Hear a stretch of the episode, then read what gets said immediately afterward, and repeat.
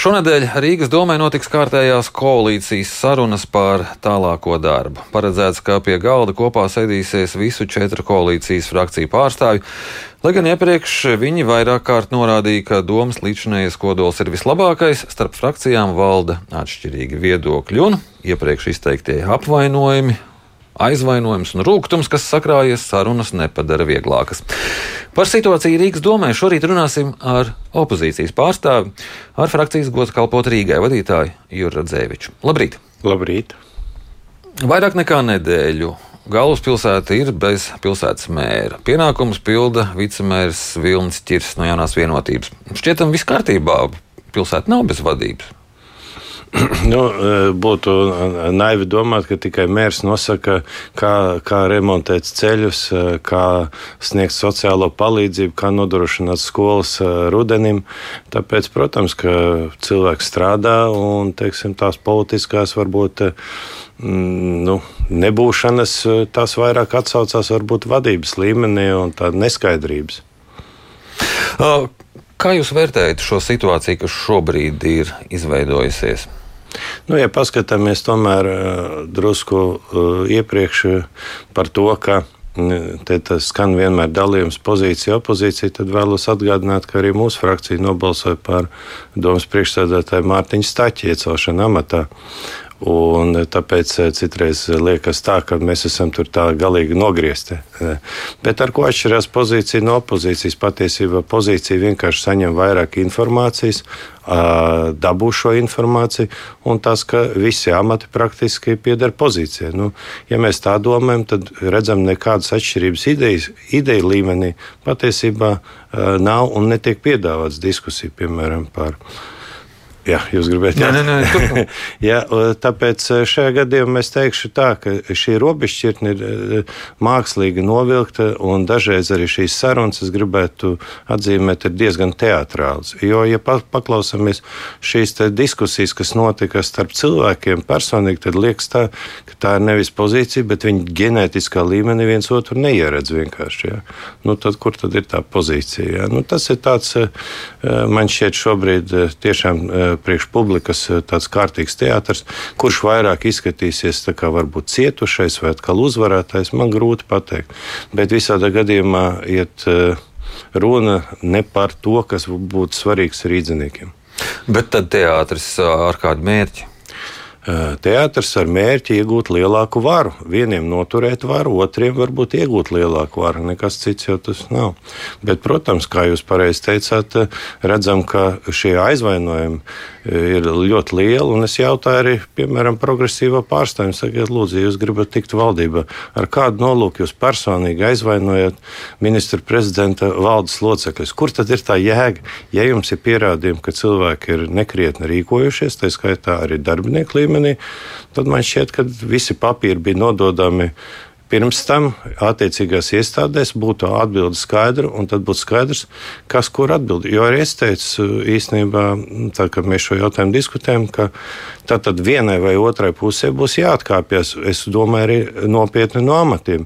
Jo ja atklāsies šie pārkāpumi, eh, nu, kuri var, var būt piesakti, nepiesakti, vai tas ir neizpratnes jautājums nu, tad man šeit jāuzņemas politiskā atbildība. Un, ja atkal ir nepamatot cilvēku atstādināt, un šie visi pārmetumi izskanējuši, nu, tad arī otrai pusē jāatkāpjas. Nu, tā viena pusē ir it kā atkāpusies. Ja? Nu, kāpēc tas tā notika? Es nevaru pateikt. Tas varbūt arī tīri emocionāls lēmums. Bet, bet šobrīd īstenībā es teikšu tā, ka, ja cilvēki gribētu runāt, tad viņi no sākuma atrastu uh, to, kas cilvēks kopīgo un vieno. Tātad tās kaut kādas nu, idejas lietas. Nevis īstenībā nāk ārā tikai atkal ar kārtiem pārmetumiem viens otru. Man šķiet, tas jau ir nu, citā stadijā, un lai katrs lemj pats, bet šajā gadījumā nu, šāda diskusija, teiksim, runājot vienkārši par cilvēkiem, nevis par idejām, nu, tikai viņas pašas noveda strupceļā. Tad jūs ieskatā šobrīd tā situācija ir nonākusi pie strupceļa? Man grūti pateikt, jo es nepiedalos šajās sarunās, bet, ja tas turpināsies ar tādu intonāciju, ka katrs atcerēsies pagātnes kaut kādus grēkus vai pieprasīs atvainošanos nemitīgi un tā tālāk, nu, tas tiešām novedīs pie strupceļa šo cilvēku starpā. Jo man, es arī to publiski teicu, man šķiet, ka ļoti grūti pretendēt uz mēru tiem cilvēkiem, uz mēra amatu tiem cilvēkiem, kuri ir personīgi iesaistījušies šajās vārdu apmaiņās un konfliktos. Nu, grūti baudīt to uzticamību. Tad. No otras puses, nu, tas arī viss. Mm. Uh, uz ko tas viss process virzās? Jūs ieskatā uz ārkārtas vēlēšanām? Nu, man nav zināms šo cilvēku patiesie mērķi īstenībā. Varbūt kādam ir padomā ārkārtas vēlēšanas, viņš paskatās reitingus un viņš domā, ka tagad pats labākais laiks var būt pārvēlēties un dabūt lielāku ietekmi. Nu, es šo procesu arī milzīgi neanalizēju tā iemesla dēļ, ka es nevaru viņu ietekmēt. Jā, un, ja es varētu ietekmēt, tad es pie tā domātu. Bet tas, kas ir mūsu spēkos, mūsu spēkos tā vai citādāk ir domāt par jaunu domas priekšsādātāju, kurš uh, spēj sarunāties ar visiem. Uh, kurš spēja organizēt darbu Rīgas domē. Un tas ir viens, kas, kas palika nepiepildīts, milzīgs, milzīgs solījums, kas strādās ar visiem Rīdziniekiem, tas nozīmē arī visiem rīdzinieku ievēlētajiem deputātiem. Mēs redzējām, ka tā situācija pavērsās pavisam citādāk. Ja? Kā atkal saurupi kaut kur eh, tā saucamā pozīcija, jo tagad viņi var tikai saukt tā, tā saucamā, jo, kā mēs redzam, tieši pozīcijas iekšienē, jeb koalīcijas iekšienē bija tas lielākais, tas eh, lielais sprādziens, un mēs tikai varējām pabrīnīties par to, kā tas viss notiek. Jūs sakat, ka jūs šos procesus nevarat ietekmēt, bet vai tad. Uh... Mēs varam. Jā, jā, mēs, protams, ka varam īstenībā.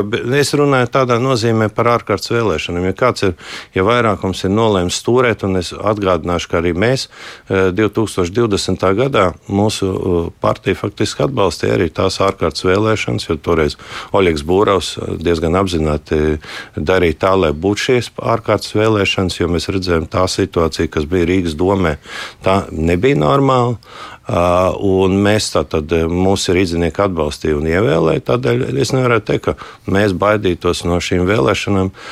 Jo šobrīd jau pat opozīcija ir, varētu teikt, diezgan pateicīga situācija. Mēs redzam visas tās nebūšanas, kas ir Rīgā un šī rīdīšanās savā starpā, un es varētu tā teikt.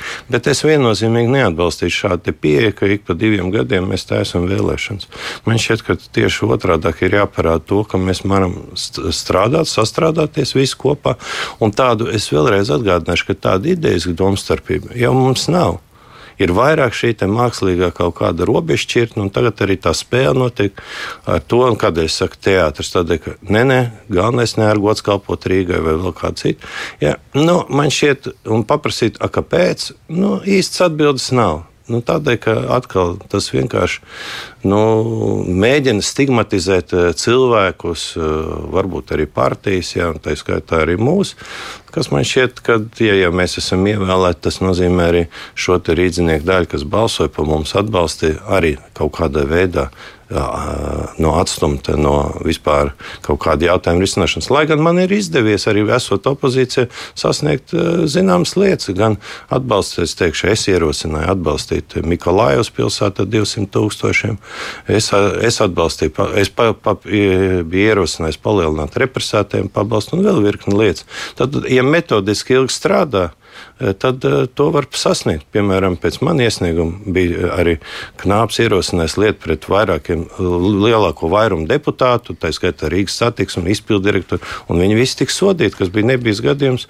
42 personas Rīgas domē, deputāti, valdes, izpildu direktors tika sodīts ar administratīviem sodiem par interešu konfliktu pārkāpumu.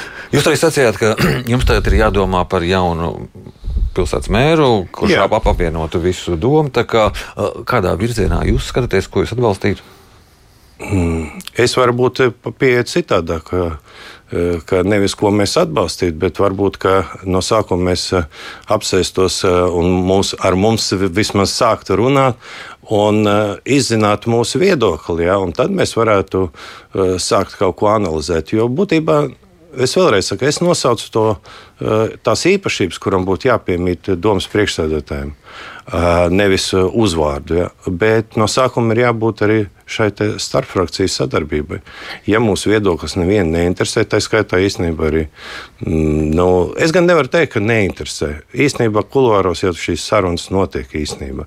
Tas ir tik tā uz ārienu, ka neviens ne ar vienu it kā nerunā, tikai tajos noliktajos laikos satiekās kameru priekšā un, un demonstrē kaut ko. Protams, ka kulāros tiek runāts un tā tālāk, un mēs gaidām vienkārši. Mēs šobrīd vienkārši gaidām. Ja? Jūs redzat, Stāķi, jūs atbalstījāt, ķirst jūs atbalstītu? Es vēlreiz teikšu tā, ka es domāju, ka, ja cilvēki ir ša...